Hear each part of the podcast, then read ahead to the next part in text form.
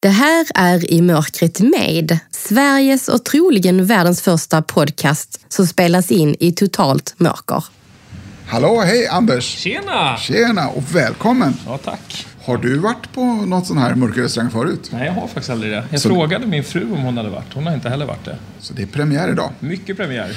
Mm. Ah, ja. det, det är egentligen inte så... eh, Egentligen så är det ju bara en restaurang som är släckt Ja. och mörklagd.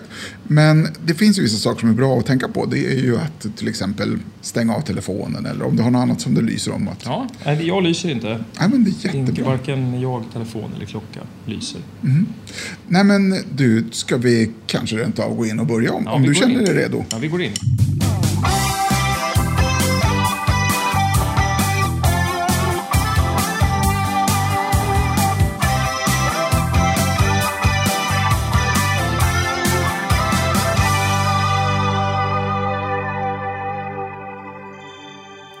I det här avsnittet ska ni få möta en spännande gäst och entreprenör. Det var i samband med värmeböljan 2018 som livsförändringen kom och han på riktigt förstod hur illa det är med vårt klimat. Han bestämde sig för att göra något åt det och idag driver han A Good Company som utvecklar, tillverkar, designar och säljer hållbara vardagsprodukter. Nu ska ni få möta honom och vi bjuds även på en utbildning i hur man kan tänka och agera kring hållbarhet och återvinning. Det här är I mörkret med Anders Ankarlid. Du hittar det här som din egen bakficka, tänker jag. Jag brukar säga så här, om vi har tur så kommer vi till rätt ställe. Ja, ja men då... Så jag hoppas på Jag samma hoppas på här nu. turen, då. Ja, hoppas på tur. Nu går vi igenom en liten dörr, eller vad ska vi kalla det för. Och så kommer vi in i ett rum där faktiskt Anna sitter. Tjena! Om du skulle gå rakt, om jag tar den hand du håller mig där då. Ja. Så har du ett ryggstöd Ja, där. titta vad härligt. Och eh, då tycker jag du ska försöka slå dig ner på den där stolen. Du, eh, det gör jag så gott. Hej Anna! Hallå! Jävlar, jag missade. Vad ja, lågt Det var en vanlig stol. Det var en vanlig stol. Vad trodde du det skulle vara? Eh, jag vet inte, jag fick för mig att det var en barstol. Ja, ja, ja. Men, För du eh, såg dem där ute säkert. Ja, kanske. så kan det Oj, hej och hå. Där var micken också. Ja, hörni, Anna och Anders. Jag, Ja. jag lämnar er en stund och så eh, kan vi bekanta med varandra i Ja. förslag. Kul! Välkommen Anders. Ja, tack.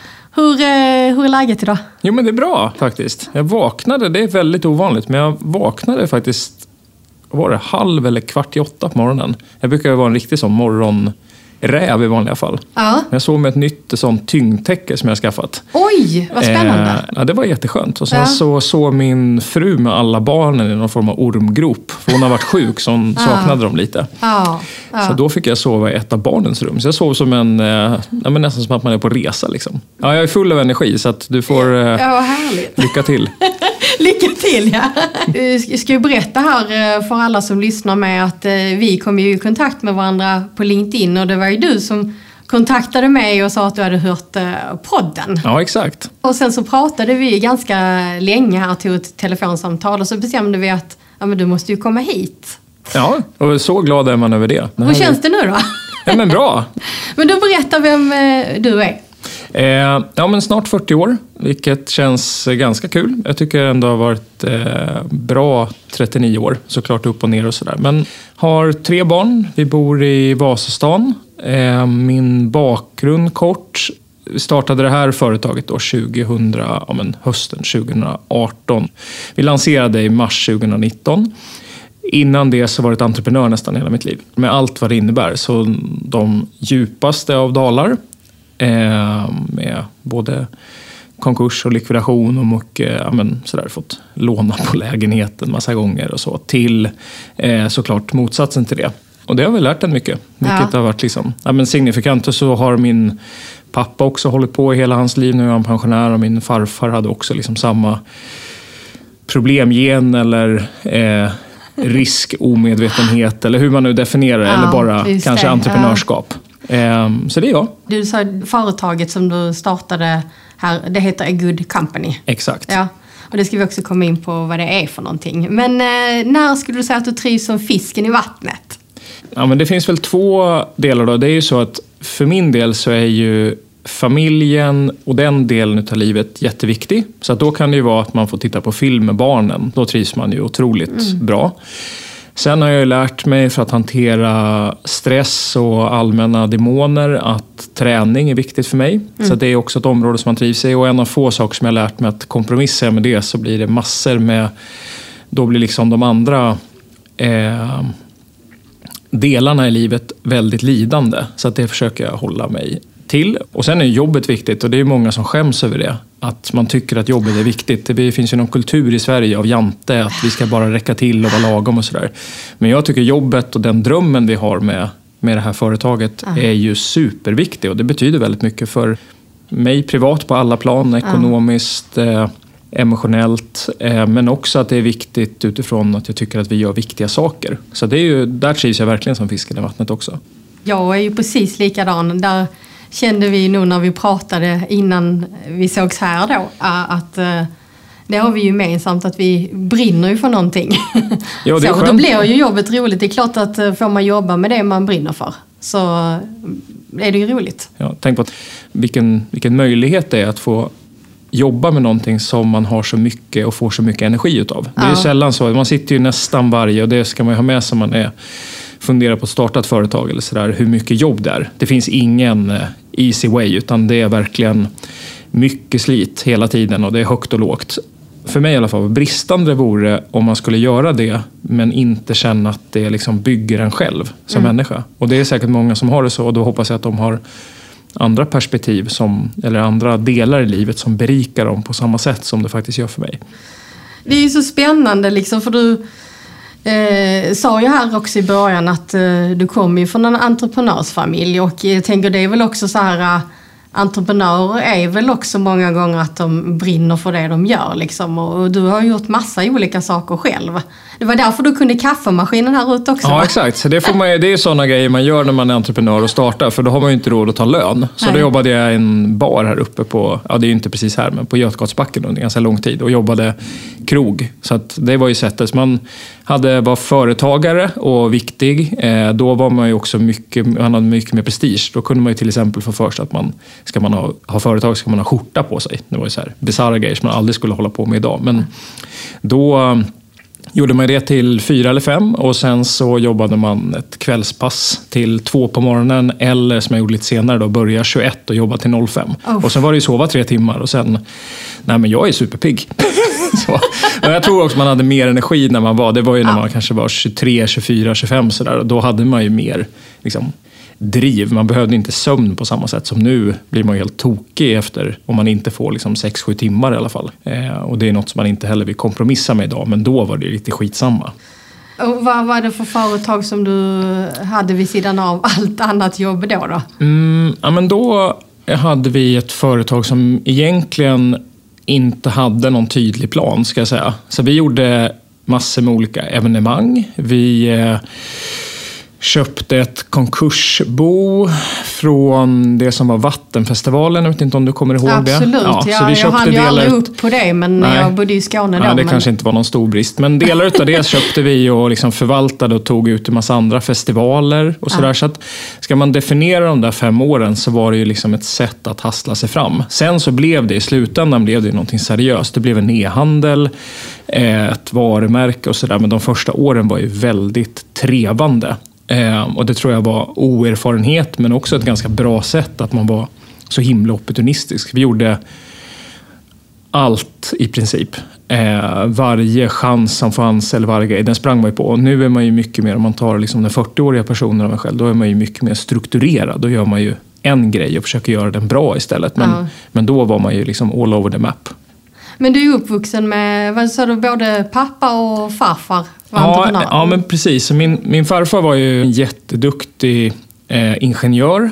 Eh, tog fram de blöjorna man använder idag med stress när man liksom knäpper runt dem. Det Oj, var en del ja, av hans ja, innovation på Häftigt. SCA. Och han gjorde massa konstruktioner kring eh, de här eh, fina Pripsfabriken som fanns vid, eh, eh, vad ligger det, ut mot ja, men ut mot E4 precis innan Södertälje. Så han har verkligen varit en sån här smart eh, ingenjör. Jag tror inte att han egentligen var så duktig entreprenör Nej, för att han flyttade runt sin familj på massa olika ställen och sådär. Men en väldigt mm. duktig uppfinnare om man får säga så. Mm.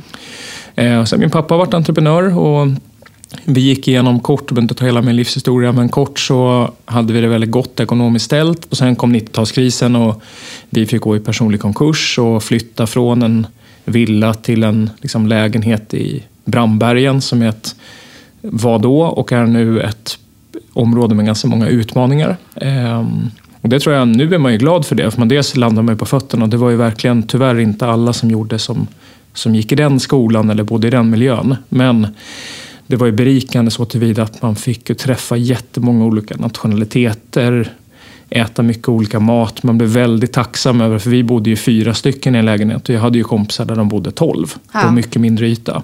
Men så. hur var det för dig då att komma liksom från en då villa och förmodligen där då antar jag människor runt omkring också hade det ganska väl ställt och så hamna i Bredäng. Ja, ja Brandbergen. Eh. Jo, men det var väl eh, det som var tufft med det var ju att man gick kvar i samma miljö fortfarande. Eh, det är så basala saker, men det kan ju betyda någonting för ett barn ändå. Eh, att från att kunna följa med på skidresor eller vad man nu än skulle kunna göra till att man visste bara som barn att det här är liksom inget alternativ just nu. Sen så får man ju skuldsanering och min pappa hämtade sig och vår liksom, familj hämtade sig. Men jag kan också tycka att det som det lärde mig mest, det var hur lite pengar betyder någonting. För jag var nästan glad över att pappa var hemma mer. Oh, och, och, som barn, ja. det är verkligen så, det tänker man själv mm. nu när man har tre barn, hur lite de bryr sig om det som är materiellt. Det är vi vuxna som vill ge dem mycket saker för att det är ett sätt att visa kärlek. Men de skiter ju i vilket. Det är begagnad overall eller ny overall. Sen kanske det skiljer sig eh, när man blir 12, 13, 14 och man yta börjar liksom betyda någonting. Men, men i stort så tyckte inte jag att det var någonting. Det var snarare berikande att man lärde sig att livet går ändå, även om det är tungt. Och jag kommer ihåg att vi hade första julen där, så gick man ju från julen innan med allmänt men, slöseri på alla plan vad det gäller mm. konsumtion till att jag tror vi fick en julklapp Ja. Ehm, men barn förstår ju, och även jag, det har inte att göra med att jag var något speciellt barn, men barn förstår ju vilka lägen det är i livet. Och det var inte så att jag och min brorsa tjatade på mamma och pappa och, ville ha mer grejer. Det var att man är idag så var det ju några pusselbitar där som ändå är väldigt viktiga hur jag är som person. Ehm, med att man försöker vara generös och man har det gott ställt.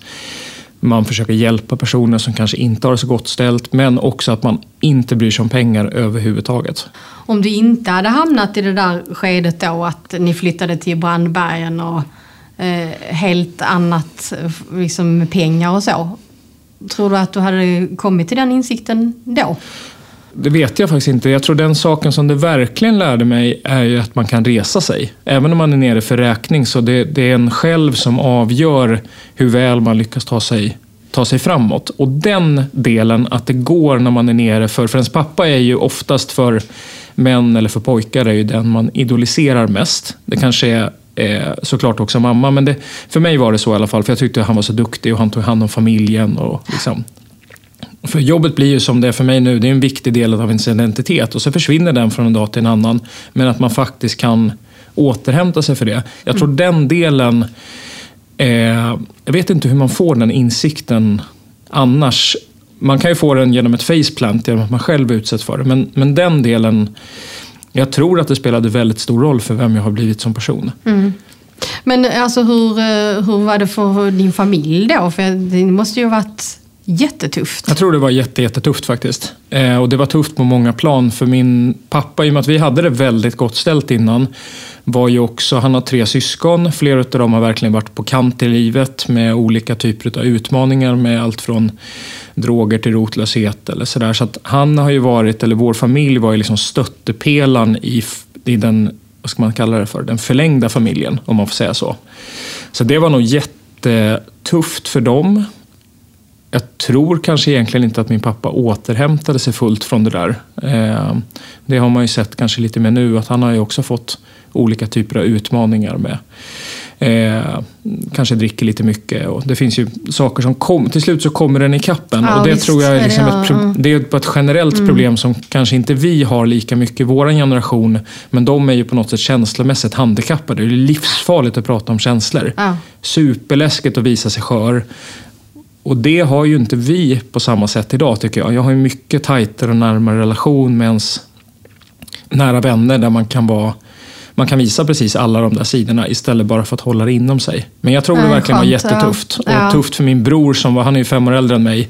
Han fattar ju mycket mer. Han var väl, kan han ha varit 14 eller 15 när det här hände. Du sa att ni ändå återhämtade eh, er. Alltså att ni, du sa att du har lärt dig att man kan liksom gå ner på botten och sen liksom ta sig upp från det igen. Mm, det tar ju tid. Det var ju 90-talskrisen. Det var inte så att det var jobb överallt. Eh, utan det var ju ganska tufft att få hitta nästa, nästa ställe och skapa försörjning. Jag vet inte riktigt hur de löste det, men jag kan anta att vi fick hjälp av socialen och sådär. Det, det har inte grävt i det. det initiativet, om, om de vill prata om det så är man liksom öppen, men jag har inte velat gegga där för mycket. Men sen så fick han ett vanligt jobb och med det när man får en bättre och vi fick skuldsanering, då får ju familjen en bättre ekonomi. Så att till slut så kom vi på fötter i termer av att vi som familj, vi kom ju på, om man får kalla det så, då, samma standard som ens andra vänner. Eh, så från kanske bättre till väsentligt sämre till att efter ett par år i alla fall komma till ungefär samma nivå. Eh, och det är starkt. Det är många som går ner sig fullkomligt kan jag tänka mig. Eh, när en sån viktig del av ens personlighet försvinner och dras bort. Och jag tror att det ligger väldigt mycket skam i att när man har varit liksom försörjaren med stort F för så många människor eller alltid varit liksom den stabila personen till att oj då, nu är det jag som är längst ner i, i hierarkin. Ja, eh, du Anders, innan vi hoppar in på eh, ditt företag och eh, miljö och klimat och alla de här spännande frågorna. Nu har jag redan kommit igång med många spännande frågor. Så ska vi ta in Ulf igen. Kul! Är du här Ulf? Jag Det- tror han... Vem vet? Du är så smygande fis, höll jag på att säga. Men du var med hör inte dig. Nej, nej, men jag, jag har gått över till strumplästen helt enkelt. Så det, det är klart, Ja, det är det det är du... klart att Ja. du inte hör mig. Jag, jag, Ja. ja. Ja, vad heter det? Ninjan? Ja, men jag gör tydligen det också hemma för min sambo som ser då. Det är ofta han bara "Ah!" Se. Typ så står jag där. Där har du fått ett glas. Ja, Sen har du fått en flaska där. herregud. Här lite till vänster har du en öppnare på en servett. Bortom här så ställer jag en skål också. Okej. Som du får undersöka. Nu tar jag mina gamla barskills då. Ja, jag tror att det, de, wow. Det där löser sig. Det brukar låta rätt fint tycker jag när man häller bubbel i. Bubbelsaker i. Nej, det gör ju det. Ja, det låter fint. Det är lite som en bäck. Ja, Ja. Får man provsmaka? det får du absolut göra. Sen tycker jag du ska provsmaka framförallt i skål. Herr barman, är det okej om jag snor eh, öppnaren och ger den till Anna? ja, det får du göra. Här är den. Hur skulle du äta det här nu Ulf? Eh, Det, alltså, det där skulle jag äta. Äta med händerna? Ja. ja, det är Huvudet- något litet bara. bara. Ja, precis. Nej, huvudet ner ska du inte ta. Nej. Hur var det där då? Jo, men det var gott. Är Ja. det någon svartvinbärsgrej? Den smakar Nej, lite men cassis. hyfsat nära. Hyfsat nära. Ja, du, du är på liksom bärhållet. Är det blåbär? Nej, Nej. det är två olika tror jag. Men du har ju säkerligen prickat det som är bäret där i alla fall, låter det som. Det var väldigt gott i alla fall. Det är hallon. Hallon? Sen är det en variant till. Jag tyckte att jag kände skillnad på konsistensen, men det är ju jag. Eh, För det är ju typ samma, i samma eh, godispåse om man säger så. Känner du en anissmak va? Någon lakrits? Ja, det är det. Är det fredagssmågodis? Det är fredagsgodis. Fy fredagsmys. fasiken vad härligt. Bästa det- ever. Och det här är veganskt godis. Mm. De Så- brukar vi köpa tror jag. Alltså de, de var jättegoda tyckte jag, när jag testade dem. Det är ju, har ni läst innehållsförteckningen på vanligt eh, godis? Eh, ah, alltså, det, du vet att det där är ju ett problem när man inte ser. Det- det- Och jag det här var ju fruktansvärt Det kanske är ett, en blind bonus att man slipper. ja, men det är verkligen eh, då. Du får be inte då någonsin din sambo att eh, eh, läsa upp vad det innehåller. Eh, för det jag vet liksom i den typen av godisar som du äter nu, hade det varit eh, icke-veganskt, då hade det säkert varit massa gris och grejer i. Precis. Det är vanligt att det är det. Och sen är det ju mycket såna här odlade löss, eller vad? Ja, det är så sjukt äckligt. Det innehållet i det är ju förskrämligt. Det är Ja. lite som korv, kan jag tänka. Man ska aldrig fråga vad som är i korven, för Nej, att det är usch, liksom, man bara inte vill vara där.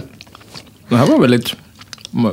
Jag gillar godis i alla fall. Men du får berätta Anders, eh, du jobbar ju med ditt företag nu, A Good Company. Mm. Berätta, vad, vad gör ni? Ja, men vi tillverkar ju, designar, produktutvecklar och i förlängningen säljer hållbara vardagsprodukter som är lika snygga som eh, andra vardagsprodukter men som inte är så bra för miljön. Så att vi gör till exempel, jag har faktiskt tagit med en låda här så att du Ja. gav ju mig någonting. Men jag ska ska vi också, kolla, Ja, ja. vi ska kolla alldeles strax tänkte jag och klämma och känna på olika Jag tror material. du måste ju berätta bakgrunden till det här först. Ja, men ska vi börja där då? Ja, det tycker jag. Sommaren eh, 2018, då var jag i mitt liv, då hade vi två barn. Eh, vi bor på somrarna på en gård. Det låter superfancy, men det är där min fru är uppvuxen. Hon är adopterad från Indonesien, hon och hennes bror. Eh, men de är uppväxta på en gård då, precis gränsen eh, Småland-Östergötland. Och den här gården har tio kor, den är jätteliten, det finns en liten sjö, det finns en liten å, ett rött hus och ett gult hus och vi bor i det röda huset och min, eh, mina svärföräldrar då bor i gula huset precis vägen över. Så superpittoreskt och där har vi valt att vi har ingen tv. Nu finns det internet för man har liksom barn som verkligen, de älskar ju internet över allt annat på jorden. Men det har, vi har valt ett liv där som är mycket mer ute i naturen, lek med det som finns än vi tar stan dit. Så att sommaren 2018, jag vet inte om du kommer ihåg den, men den var ju Jo, det jätte, jag. Ja, jättevarm. det det var ju var väldigt fläktsommaren. varmt, ja. Eh, Mm. Är man då på landet så är det ju först jättenice, för då tänker man att Frankrike har liksom kommit dit. Franska rivieran har flyttat till Östergötland. Så det var ju jättevarmt i vattnet, man kan sola och bada. En liten insjö då, som blir rätt varm och eh, ja, men, jättehärligt. Men det finns också ett antal djur på den här gården, inte många, men ungefär tio kor. Och är det varmt under lång tid så mår djur väldigt, väldigt dåligt. De har inte alls samma förmågor som vi har med att svettas. Eh, de här korna då, året runt går ju ut och de eh, ja, men, friströvar ju och håller marken eh, eh, fräsch. Det är liksom deras, de är där för att hålla marken fri. Det är uppgiften för de här korna på gården. Så de är inte där för att bli kött sen, utan de, det, är, det är det som är deras uppgift. Men problemet när det är varmt och så varmt Eh, jag tror medeltemperaturen under juli var väl så här 27, 28, 5, 6 grader mer än vad det ska vara. Alltså det var ju hysteriskt varmt. Då växer ju ingenting. Så att gräs, i det vanliga fall, är ju grönt och härligt och det finns rätt mycket och sådär. Eh, men det var ju knallbränt, växte ingenting, snustort. Kändes när man gick på det så bara knastrade under Ja. fötterna. Eh, och sen som normalt sett på sommaren så dricker de, det går en å för uppifrån en, en källa som inte har torkat ur på, jag tror 150 år. I alla fall enligt min svärfar då, men jag, jag antar att han har rätt. Den var också jättetorr. Så vi fick ju lägga fruktansvärt mycket tid på att försöka hålla de här djuren på dugligt skikt. För är man bonde så har man ju ansvar för djuren. Och man har ju lika nära band med sina djur som bonde som man har med sina barn.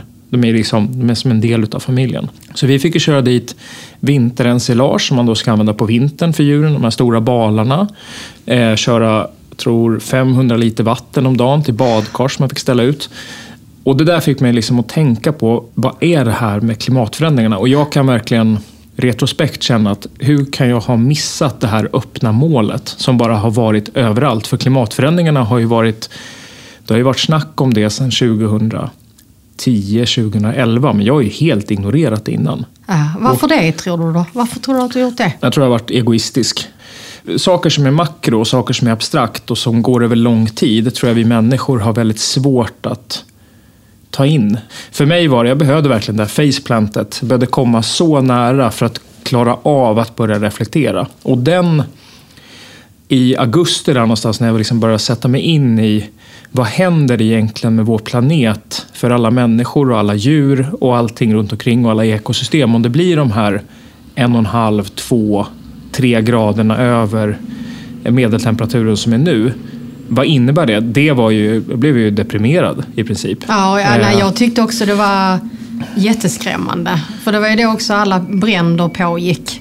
Jag, jag hoppas och tror att det var många som fick sig en tanke. Jag hoppas det. Sen, det är som med pandemi nu, som är nu är den ju tillfälligt på paus. Och det går ju två dagar och sen glömmer man bort hur det var. Mm. Vi har ju en, och det är ju, på ett sätt är det ju en styrka, för det gör ju att människor kan komma ur trauman, tror jag till exempel. Ja. Men det blir ju också otroligt destruktivt för oss som ras. Vi lär ju oss ingenting av historien. Men för mig blev det i alla fall, jag var ju någon form av konsult då, managementkonsult, hade det jättegott ställt eh, ekonomiskt, reste mycket, vi som familj kunde i princip göra vad vi ville. Men jag kände att det här går ju inte. Jag kan inte fortsätta åka till London varannan vecka. Jag kollade upp hur mycket utsläpp jag hade liksom, genererat de sista åren och det är ju, det var ju skandal, verkligen. Så att jag bestämde att nej, men måste, det här måste vi hugga tag i. Jag kan inte lägga mitt, liksom, mina bästa år i livet, även om man kanske tänker att alla ens år är de bästa åren i livet. Men jag kan inte lägga de framtida åren på något som är så fruktansvärt ogenomtänkt och monetärt. Och det var inte riktigt heller så som jag är som person, för det är oviktigt för mig utifrån det vi pratade om innan. Så det var så, på det sättet det är liksom lite felaktig kontext.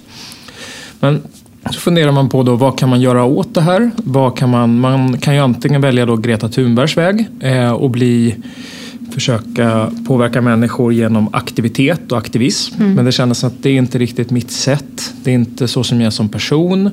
Man skulle kunna ge sig in politiskt. Det kändes som att man, det kommer inte heller passa mig så bra. Och då landar det in där att en, en sak som vi människor har ganska lätt att påverka är ju ändå konsumtion. För det är mm. något som vi som människor gör aktiva val med varje dag. Vi väljer ju vilken mjölk vi vill köpa eller vilken tröja vi vill ha, vilka varumärken vi vill supportera.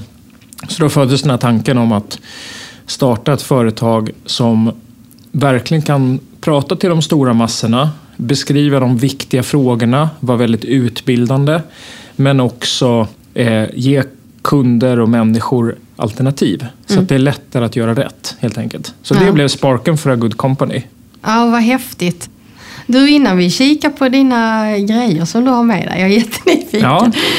Eh, ska vi ha lite musik först av Ulf, tänker jag? Men gärna. Så, eh, det kan vi gärna göra. Jag har en sån cliffhanger nu för alla lyssnare. Ja, jag ska dricka lite, lite mer vatten, sen. det håller ja. jag på med här under ja. tiden. Det här var glaset. Den låt som jag känner att jag ska sjunga nu, det är Jag är bäst ändå.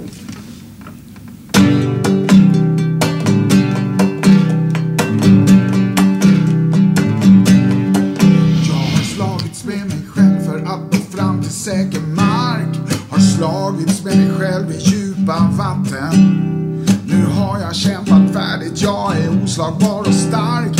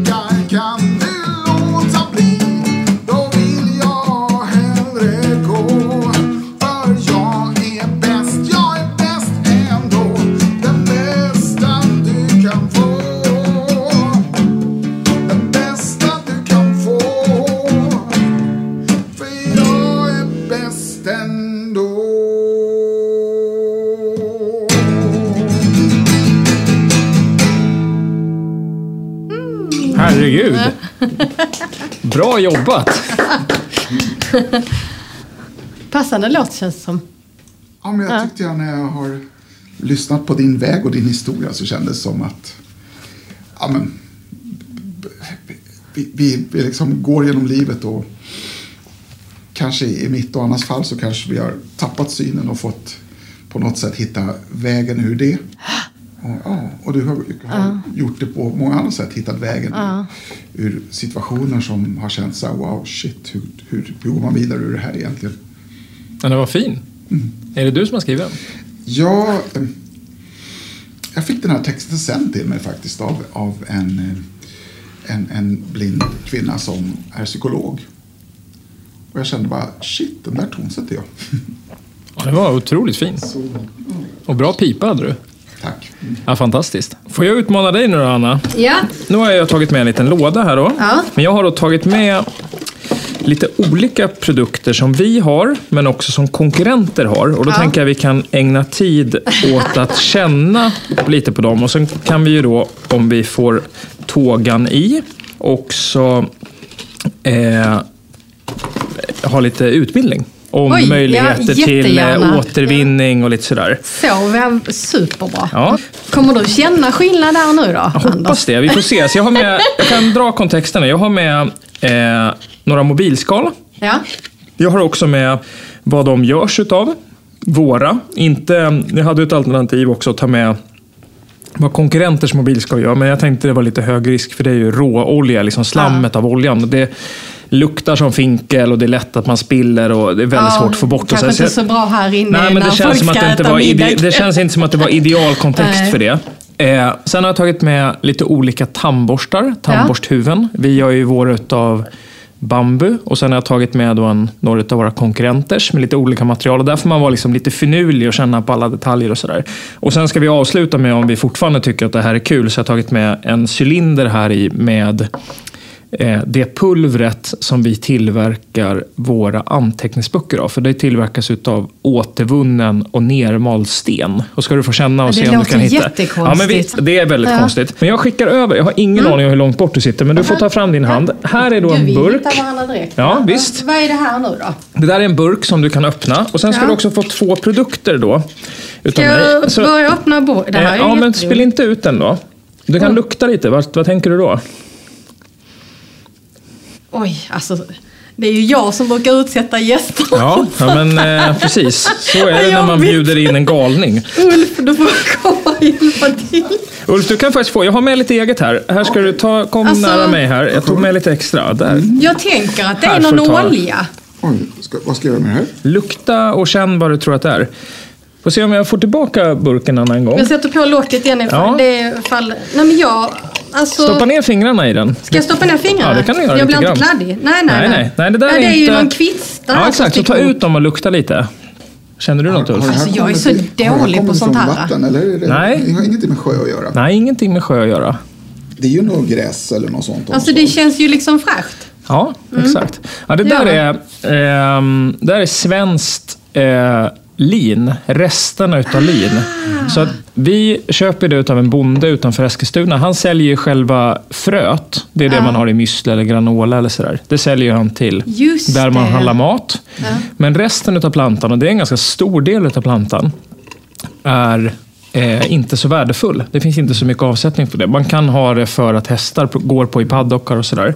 Men det som är härligt med lin, och det är ett svenskt eh, klassiskt material, och tänker man nu om man driver jordbruk så brukar man blanda sin areal då med att man kanske har hälften vete och hälften lin. Och så byter man sädeslag mellan de där, för då blir jorden väldigt, väldigt bra. Och det där kan man då tillverka. Så nu kommer det nästa grej här då. Ja, Nu nu är det en som är vår. Ska vi byta boken nu här? Eh, ja, jag kan ta tillbaka burken. Det är lite överkurs det här. Jag känner att jag är på delvis djupt vatten. Men, men eh, vi, vi fortsätter ändå. Och nu ska du då få gissa. Nu kommer du få två, två grejer utav mig. Det Ja. ena är våran produkt och det andra är en konkurrensprodukt. Och då är det viktigt, som jag tänkt då, att du får känna verkligen och så funderar du på vilka material kan det vara? Hur många material kan det innehålla? Och, jag kan då säga att vårt material, den produkten du får från oss, Den innehåller bara ett material, då, det här linet. Men de andra, där fick du nog en Ja. tror jag. Har du ja. båda nu? Jag har båda ja. Ja. Alltså den ena känns ju väldigt glansig. Ja. Eh, som att den skulle vara lackad nästan. Fast det är det ju inte. Det känns ju lite som eh, eh, plast båda två. ja. Den här som är lite lackad. Mm. Den är också lite eh, annat material på insidan av skalet. Ja, precis. Ja, det känns nästan som ett sånt här uh, sittunderlag som Ja. man har ibland när man är ute och vandrar. Typ. Om du känner långt ner på det skalet, känner du att det finns någon annan grej där också? Ja, där är någon, eh, ja, något märke där eller... Ja, det sitter en metallbricka där. Ja. Faktiskt, en liten metallbricka. Ja. Och om du känner på det andra mobilskalet du har i det händerna, vad känns känns eh, det? likadant, rent och sen så känns det nästan som att i plasten är det in någon sån där in, vad heter det, mönster. Ja, precis. Det är lite tryck på. Mm. Så det du kände på nu senast, eh, det som hade ett litet tryck på sig, det är vårat linskal. Vårat Det som inte är lackat, ja. Det som inte är lackat, Ja, hade precis. jag Så det blir lite på. mattare. Ja, ja. Och vi har ju inte heller då något innermaterial. Ingen Nej. flis, vi har inga skyltar. Och anledningen till det, om man tar det väldigt enkelt, är om man pratar ur ett återvinningsperspektiv eller till och med ett cirkulärt perspektiv som då våra mobilskal är.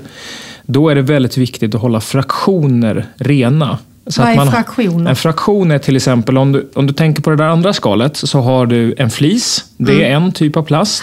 Sen har du, vet inte exakt vilken det är, men jag skulle gissa på att det är PP, polypropyren. Eh, kan också vara TPU. Eh, kanske till och med de två blandade. Och sen har du den här lilla metallskylten. Så att i en sån liten produkt som väger 20 gram så har man tre olika plaster.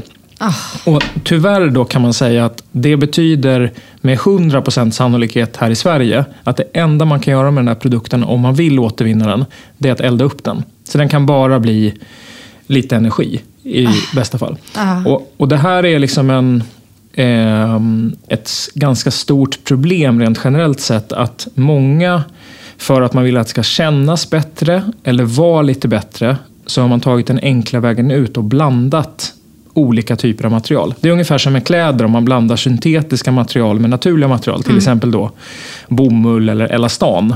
Eh, då är det fruktansvärt svårt att separera dem för fibrerna gifts ju ihop. Medan då vi, om man tar det här perspektivet, vi prioriterar ju all vår produktutveckling att välja enskilda fraktioner så långt det är möjligt. Så det här som jag håller nu i min hand som är ert, det är alltså gjort av det Ja, det är gjort som av det där linet som du fick känna och lukta på. boken, och hade ja. jag tagit med mig den här råoljan, Ja. eh, det, alltså det luktar fruktansvärt starkt. Det sticker i ögonen och håller du ner näsan där i kanske 30-40 sekunder, då kommer du börja må illa. Det är ju det andra skalet Ja, ja. och det kan man förstå då att det är inte så bra. Eh, nu ska vi ge oss in på nästa test då. Vill du känna också Ulf Eh, ja, det ska du få göra. Och det som är kul med de här materialen, jag skickar över en annan grej till dig. Det här är samma material, hur man kan göra en annan typ av applikation. Det där är då exakt samma material. Det är en som vi- julkula. Exakt. Så vi har börjat, det här kommer i vinter, så kommer det julkulor utav det här materialet. Och eh, det är mycket bättre än de flesta julkulor som finns på marknaden. Och det är det som är så härligt med produktutveckling och därför jag brinner så mycket för det. här. För att när man väl hittar någonting, Ja. då kan man ju använda det på ganska många sätt. Så den här julkulan är också av lin eller? Ja, den är också utav lin. Ja, exakt. men den man... gillade jag. Den är härlig, visst är Ja, den det? Och den kan man verkligen. måla på också. Med, vi gjorde det i julas när vi testade de här. Så den finns i både stjärnform och rund form. Så Ja. vi hoppas kunna sälja de här. Och då är det också, tänk vad härligt det är att de är helt cirkulära. Ja. Vilket betyder att när man väl, om man skulle tröttna på de här julkulorna eller skulle hända, de skulle gå sönder eller sådär. Då kan man bara skicka dem tillbaka till oss. Eller så kan man då om man vill lägga dem i sin kompost. Eller om man då inte har en egen kompost kan man åka till vilken återvinningscentral som helst som har då industriella komposter. Så att hur man än vänder och vrider på det där materialet så länge man då inte slänger i soporna. Eh, vilket i och för sig inte heller är så farligt för det är ju ett naturligt material ungefär som vanliga hushållssopor. Så är det liksom bra för planeten. Vill du vara med på nästa test Ulf? Jag hör dig ändå, jag vet ju fasiken var du är. Men eh, du är ju här någonstans. Då får du göra så här Ulf. Du tar den här tandborsthuven då för, jag tror det är Philips eller Oral-B. Den ena är från oss. Här kommer de till dig, Anna. Ja. Du får ta emot dem. Men Jo, det är jag ganska tror- lätt att känna vilken som, vilken som Ja. förmodligen då är ditt material. För den är ju mera, ja men den känns som de andra produkterna. Exakt. Och det som känner jag ju igen det här materialet också för jag har ju haft eh, bambu. Ja, exakt. Om du känner i ja. Ulf, du som ligger lite före annat, tror jag i alla fall, för du har inte öppnat din Jo, jag har förpackning. öppnat. Jag fick upp Så den. ni känner i, så på ovansidan då så har ni ju borsthuvudena. Ja. Eh, om ni går längs med produkten och sen känner ni på insidan av produkten, det vill säga det man sätter på själva eltandborst, eltandborsten. Känner ni några skillnader där? Man får bara liksom, ta, en, ta ett lillfinger eller någonting. Jag tänkte det... Man kanske inte kommer in så långt. Nej, det gör jag nog inte. Nej. Nej, jag kan beskriva vad... Det ena är ju då en traditionell sån eltandborsthuvud för antingen då Oral-B eller Philips. Och vi har ju då tagit fram alternativ då som är gjorda av bambu istället. Men det som är så konstigt med de här eltandborsthuvudena som är traditionella, det är att jag tror att de innehåller fem olika material. Så på insidan där, och det vi inte riktigt lyckades med, där finns en liten metallbit. Eh, och den är det till då för stabilitet och så går det upp som en liten fjäder på insidan. Då är det exakt samma premisser. Att, tänk att du har en sån liten produkt. Det tillverkas ju miljoner, miljoner, miljoner av de här. Så har du eh, själva borsthuvudena är ju utav en typ av plast, oftast nylon. Sen har du det som är runt omkring en hård plast. Jag skulle tro att det är ABS som är en liksom väldigt motståndskraftig plast. Men sen på insidan så ligger det en massa metall. Ja. Och då är det samma princip. Du kan inte ens, slänger du den där i plastförpackning eller i plaståtervinning. ja, det hade Så- jag ju gjort kan jag säga. Ja, det hade jag också gjort innan, innan man skaffade den kunskapen. Man eh, kan i princip inte återvinna den, så den kan bara eldas upp eller hamna på soptippen. Och Det är också förmodligen då ny plast, vilket alla de här stora jättarna, jag ska inte orera om konkurrenter och tala illa om dem, men alla de här stora jättarna har ju alternativ. Man kan ju använda återvunnen plast, vilket åtminstone är bättre än ny Ja. plast, men den är lite dyrare. Och då väljer majoriteten av dem att fortsätta med den här nya plasten. Får man tjäna Eh, mer pengar på det? Ja, du får lite bättre marginal och det är Mm, därför i Sverige så återvinns ju mindre än 10 procent av all plast. Alla pratar ju om att det är återvinningsbart, men om mindre än 10 procent de facto återvinns på grund av att det blandas material, exakt det som vi går igenom nu, då skulle jag nästan våga hävda att det är inte återvinningsbart. Nej. Det är väldigt mycket fler detaljer på den här plastsaken. Ja, det är mycket, mycket pill. Det är mycket små joxar. Det är mycket små grejer. Man ska ha färger för att separera mellan olika familjemedlemmar och det är en det ena än det tredje. Och vi istället har ju bambu som är ett av våra favoritmaterial. Det är ett gräs. Det växer från liksom planta till full storlek på ungefär två år. Ett träd tar 40 år ungefär. Eh, Eh, och det är väldigt bra på att fånga koldioxid. Men sen på insidan, tack vare att det är ett naturligt material, så vi gör dem lite, lite tajtare. Och när man då första gången sätter på det på sin eltandborste, oavsett om det är en Oral-B eller Philips, kan det vara lite svårt. Och det där är något som så här konsumenter har kroniska problem med. För har det varit på ett sätt så ska det fortsätta vara på det sättet. Och vi försöker då ed- vara edukativa och säga att ja, men, tryck till bara första gången, för då, separ, då, då öppnar materialet sig lite. Just det. Mm. Och sen sitter det ju jättebra. Vi har ju hållit på med det här tandborsthuvudet i plus ett år. Eh, det är tyvärr så lång tid det tar att komma rätt. Och den håller, det är det som är det fina med, med den produkten. Den håller naturliga liksom bambun kan hålla eltandborsthuvudet, för det blir ju rätt mycket friktion, i ungefär två och en halv månad. Ja, och sen är det ändå dags att byta. Sen är det ju. ändå dags att byta. Och Nu ska vi göra Så. sista Men jag testet. måste då. fråga Ja. en sak här. Borstet här på bambun, Ja, eh, vad är det gjort av då? Vi har, I det här fallet har vi valt en, ett återvunnet nylon. Så att på alla parametrar så är vår produkt bättre. Den innehåller bambu och den innehåller återvunnen nylon. Inte ny nylon, utan återvunnen nylon. Men det finns lite plast, men det är ganska lätt att bryta bort den där delen. Skickar man tillbaka den till oss så kan vi separera nylonet från bambun, för det är fortfarande bara det är liksom borstar kontra en hel en sort. Medan man då, om man jämför med den andra, den traditionella eltandborsthuvudet, så är det ju fyra material eller kanske till och med fem material. Men så där är produktutvecklingen. Man, ibland kommer man inte hela vägen fram och då måste man, man får göra en liten kompromiss och sen så får man ge sig tusan på att man hittar ett alternativ. Men, men, men det måste ju kosta jättemycket pengar att produktutveckla så. Ja, det kostar ju mycket. Lön kostar det framförallt och misslyckanden. Men det är dyrt. Eh, Det är ju därför vi eh, behöver ha underliggande tillväxt i vårt företag. För vi behöver ha pengar. Det har inte att göra med att någon behöver en Porsche. Vi har liksom inte alls de drivkrafterna. Men däremot så måste vi ha rörelsekapital eller pengar på banken för att kunna investera i alla misslyckanden. Hur Eh, löser ni det då? Eh, nej, men genom att vi får mycket förtroende hos våra kunder. Och folk köper grejen alltså? Ja, precis. Nej, men så, så det går ju bra för oss, men vi, vi, eller det har gått bra. Det har varit mycket utmaningar, men det finns ett sånt sån enorm sjukdom kring konsumtion att vi har tappat bort respekten för hantverket och vad som går in i det. Det är precis samma sak om man är arkitekt eller om man är den som planerar vattenrör eller sådär. Man vill ju höra, jag vill i alla fall höra, varför valde du det här? Vad Mm. valde du bort? Det är båda de sakerna som är relevant. Men just vad det gäller produkter, då är det bara hur den ser ut.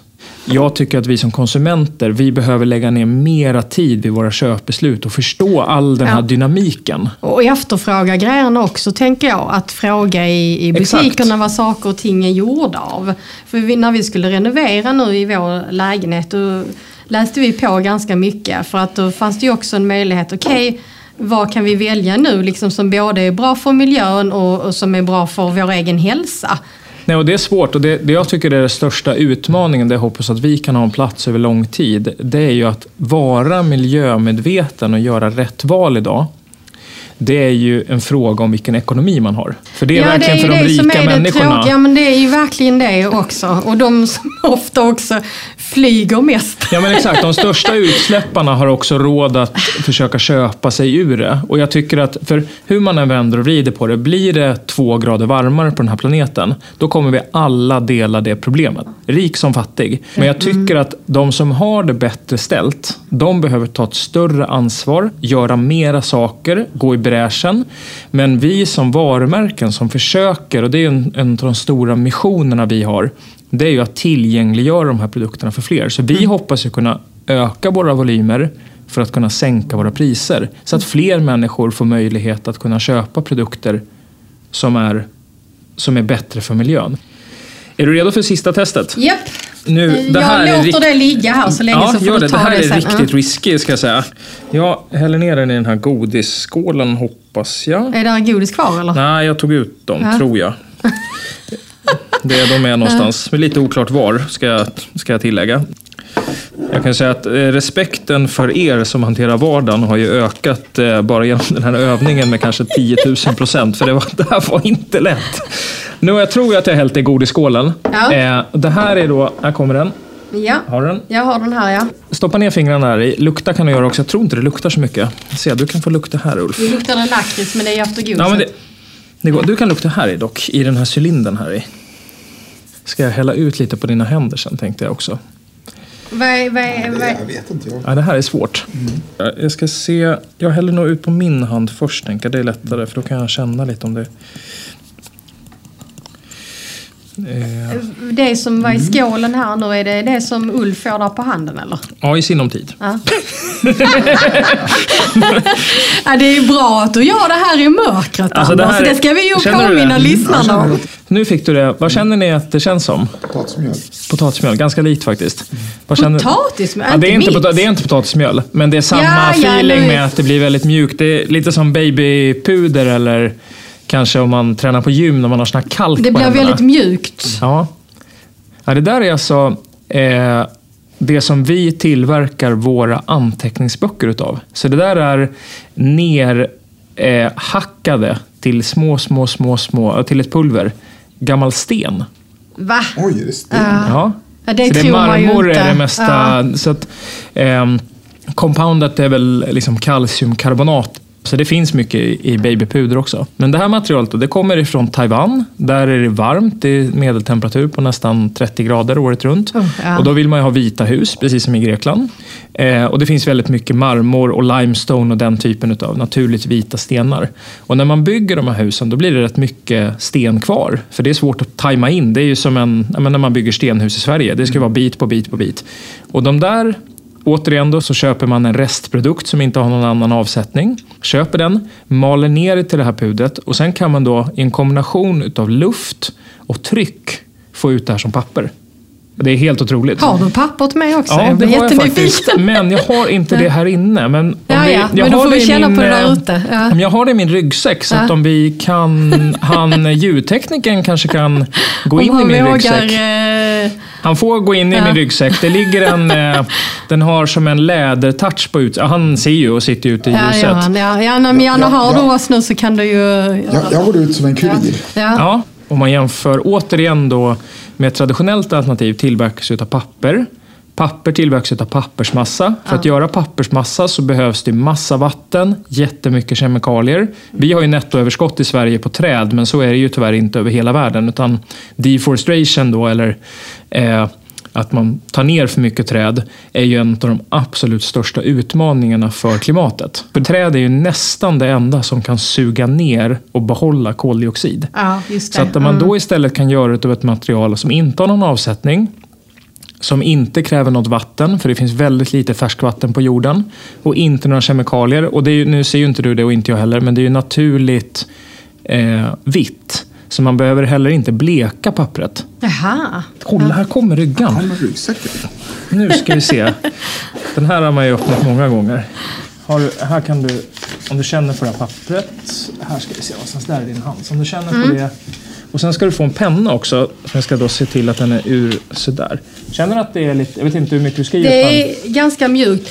Nu ska jag visa dig för att när man jobbar med punktskrift, jag skriver ju aldrig på papper förutom när det är punktskrift. Här ska du känna. Det är väldigt hårt. Ja, Det måste vara ganska tjockt Ja, jag förstår. också. Ja. det här kan bli blött va? Vad sa du? Vad händer om det här blir blött tänker jag? Eh, ja, det är ju inte så jättebra för Nej. då... Då kan jag ju promota stenpapper då, för det är vattentätt.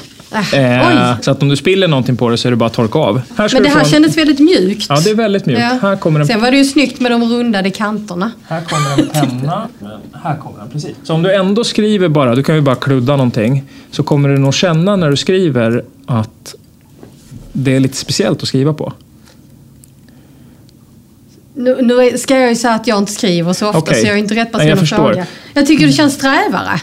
Eh, ja, det skulle jag säga att det inte gör. Nej, Eh. men det är som sagt, fråga inte mig Då för frågar jag inte dig. skriver vi med papper och penna. Ja, nej, men det är mycket sant. Det här är ju... Eh, nu känner man sig lite dum. Nej, Men i och med att det inte innehåller några fibrer Ja. så blir det inget motstånd i eh, pappret. Så det glider pennorna oavsett vilken penna man har. Det här är ingen speciellt, liksom, någon speciell penna på så sätt. Nej, pennan var ganska tung ska jag säga Är det också. Ja. skriver på den här sidan? Ja, kör som du vill bara. Pennan är gjord av nersmälta Kalashnikovs. Så det är en av våra nyckel, eh, nyckelprodukter. Den var inte med och var inte tänkt. Är det sant, Ja, det är det alltså? faktiskt.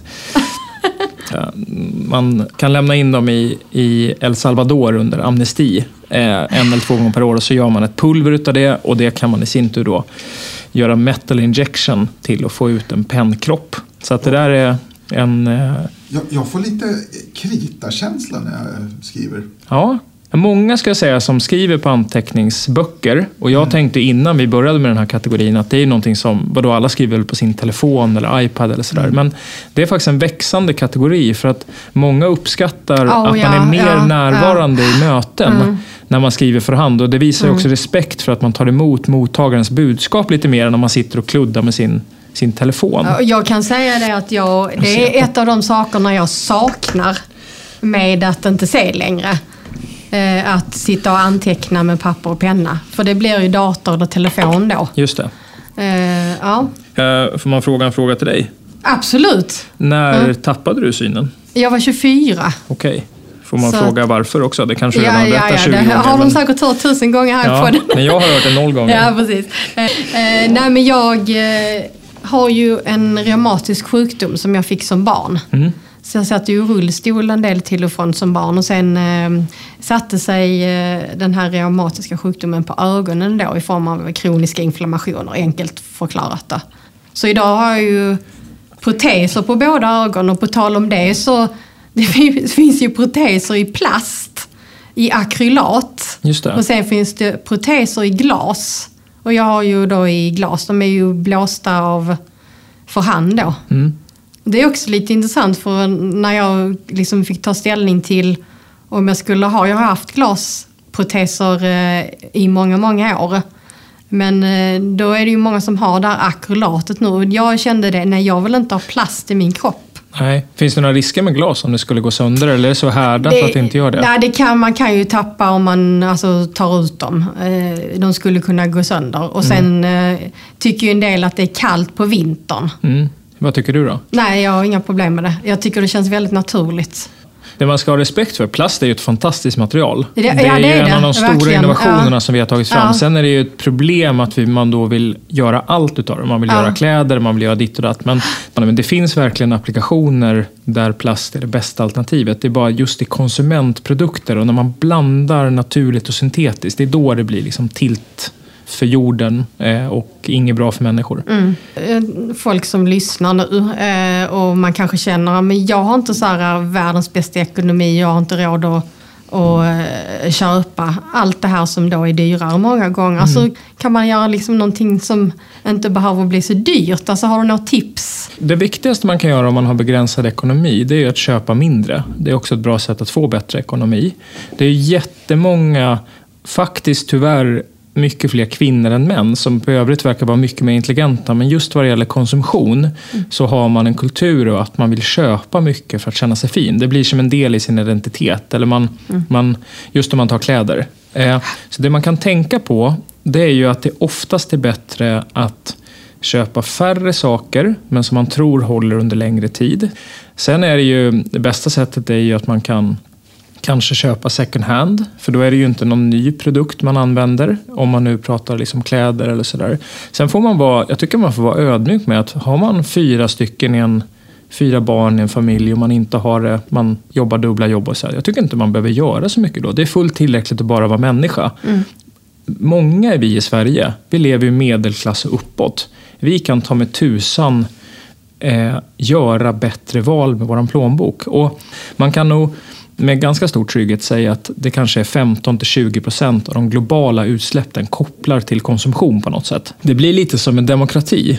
Ingens röst betyder ju egentligen någonting. Din röst betyder de facto inte så mycket om 6 miljoner människor röstar. Men den betyder också allt. För att om ingen tar ansvar och ingen gör sin del, då har vi ingen demokrati. Och det är precis samma sak tyvärr med konsumtion. Att om alla bara tänker att men jag kan ändå fortsätta så som jag har gjort. Det spelar ingen roll vad jag gör. Jag behöver inte återvinna.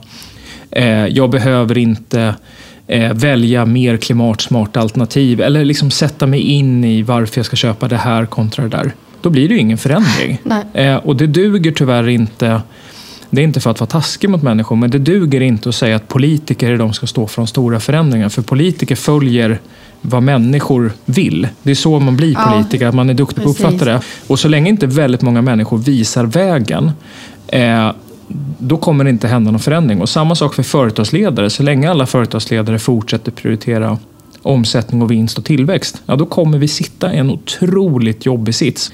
Jag hade ju panik 2018 för hur blir det för mina barn? Det var ju liksom den stora grejen, men det är inte frågan om det längre. Det är frågan om hur blir det för mig? Långt svar ska jag tillägga på din fråga, vad kan man göra, vad kan man göra som Men- eh, individ? Varför eh, har ni döpt företaget till A Good Company?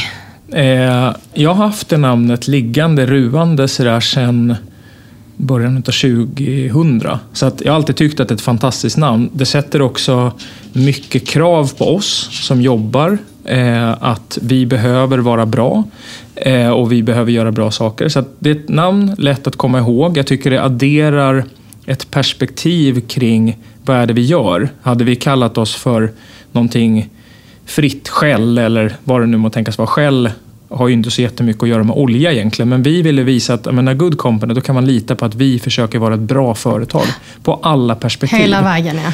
Men hur upplever du att eh, människor eh, förstår hur allvarligt det är? Eh, utifrån hur allvarligt det är så tycker jag att vi inte förstår alls.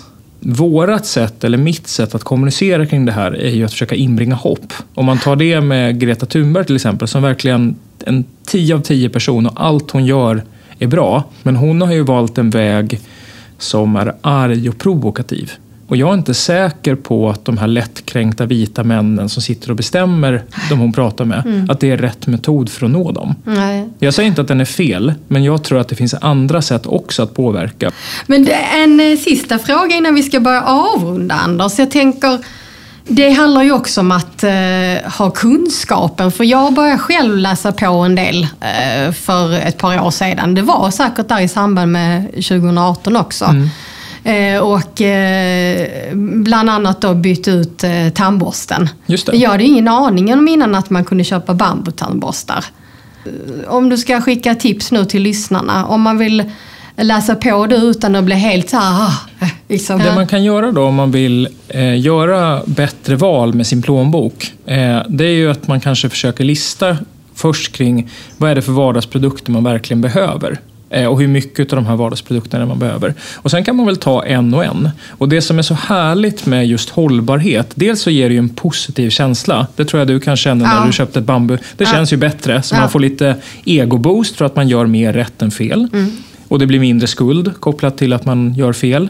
Eh, men det är ju också att kunskapen går ju crossfunktionellt över många kategorier. Så att nu har jag kanske lärt dig lite om eh, lin och att det är ett jättebra material och lärt dig lite om bambu och kanske lite om stenpapper. Det kommer du kunna använda oavsett om det är de här produkterna eller andra produkter. Och det är det som jag, jag tycker är så berikande med kunskap generellt men också vad det gäller kring, eh, kring konsumtion. Att förstår man bara de här, det är komplext, men förstår man de här enkla grejerna, blanda inte naturliga material med syntetiska material. Bara gör det inte. Då kommer det att gå att göra mer rätt. Vi behöver göra mer genomtänkta beslut och det betyder ju nummer ett, då, hoppa inte på det och sådär, men framförallt sätt dig in lite hur den här produkten är tillverkad. Många företag idag är väldigt transparenta. De som inte är det, då kan jag säga 100 av 100 så har man något att dölja. Och då kanske man inte behöver stötta de företagen under en ansenlig tid för att visa dem att vi som konsumenter, det vill säga jag då som individ, jag ställer inte upp på det här mer. Ni måste faktiskt ställa om. Och det är ju det enda sättet, tyvärr, som det verkar som att företag kommer att ställa om. För att omsättning och vinst verkar vara så fruktansvärt viktigt för dem. Men skulle de då börja tappa omsättning och vinst, då börjar de ju ta massa risk. Och då kommer de ju tvingas att ställa om om de inte vill sluta som Kodak.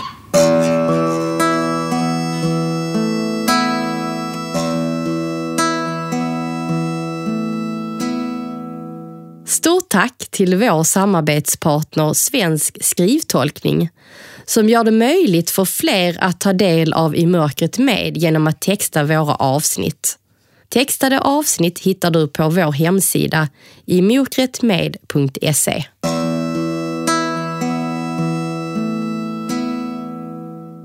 Du ska få lite snabbfrågor här. Eh, te eller kaffe? Kaffe, Kött eller grönsaker? grönsaker, Bok eller film?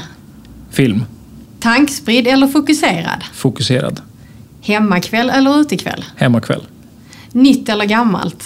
gammalt. Här, jag vet nästan vad du ska svara på Ja, vissa du får, du får steppa in något eh, kontroversiellt. Prata eller lyssna? Prata, Och sen sista, ljus eller mörker? ljus. Var det taskigt? Nej. Det är så mycket mörker i livet. precis. Ja, men det är ju, ja, men jag gillar ju ljuset fastän att jag är ett ständigt mörker, att säga, men det är jag ju inte riktigt heller. Men eh, hur har det varit nu då att sitta här i mörkret? Fantastiskt. Gud vad en stor grej. Jag har ju gjort ganska mycket poddar och samtal och sådär genom, genom åren. Det är väldigt avslappnande att sitta där i mörkt måste jag säga. Ja, Alltså, jag känner mig som att det är på, man är på spa. Och sen har det ju också varit att man får ju prata om ämnen som man tycker är kul. Ja. Så det är ju alltid berikande. Jag får ju faktiskt, det hoppas jag att du också känner i ditt jobb, att man får energi utav det man gör i sin profession. Ja. Men det var ju otroligt speciellt. hur tyckte du det gick nu att visa dina grejer här i mörkret? Eh, visa kanske inte ordet jag hade valt, men, eh, men eh, ehm, ehm, jag tyckte det gick okej. Eh, faktiskt. Du var ju väldigt, både du och Ulf var ju bra på att ta emot och Ulf var ju väldigt tydlig med vart han var och liksom sådär. Och det tror jag underlättade. Jag hade ju varit mycket mer räddhågsen, mycket mer försiktig om man får säga så. Ja. Jag tyckte, vad tyckte du? Nej, Jag tyckte du var, jättes, jag tyckte du var jättesmidig. Jag blev så förvånad. Det är så här för att eftersom inte jag ser då att vi sitter i mörker så får jag påminna mig själv att vi faktiskt sitter i mörker. Att det är ju lite en utmaning när man ska börja hantera prylar. Ja, Så är det ju. Men jag har lagt dem i olika... Dels kommer jag ihåg att jag har lagt dem i lådan och det kan man ju inte göra till vardagen. Men sen har jag också lagt dem så det här stenpappret la jag liksom en lång cylinder. Den andra grejen la jag i en burk. Eh, som jag dessutom har satt en liten klisterlapp på. Liksom, så jag gjorde det lite lätt för mig. Så du tänkte innan att nu ska jag in i mörkret och kunna hantera det här? Ja, jag tänkte att om de är i en låda och det liksom är helt mörkt, Ja. då måste, det enda jag har då är ju att känna på saker och ting. Och mobilskalen och linet, det kan jag känna på i sömnen och veta Mm. vad det är.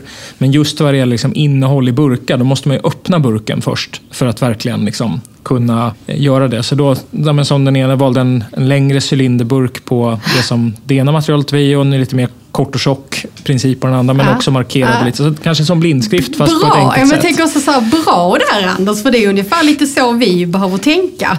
Alltså jag har ju så här, äh, ja men kanske eh, på schampo och balsamflaskan då, då är, ser de ju likadana ut. Då kanske Mm. jag liksom sätter någon, någonting på så att jag vet att det är det. Eller väljer olika, som du säger Jag- då, Jag såg, format. jag såg det från din, han som du har gjort några poddavsnitt med, den här killen som är på TikTok. Nu kommer jag inte ihåg hans namn. Fatmir, men- Exakt. Jag såg på några efter att, ja, men när jag lyssnade på ett av era avsnitt, tittade jag lite på vad han sa. Han berättade hur han liksom gjorde när han lagade mat och liksom tänkte så här, Dels vilken effort. Eh, jag ju helt, jag hade, ju, hade jag varit i hans situation hade det varit mycket mer Foodora tror jag.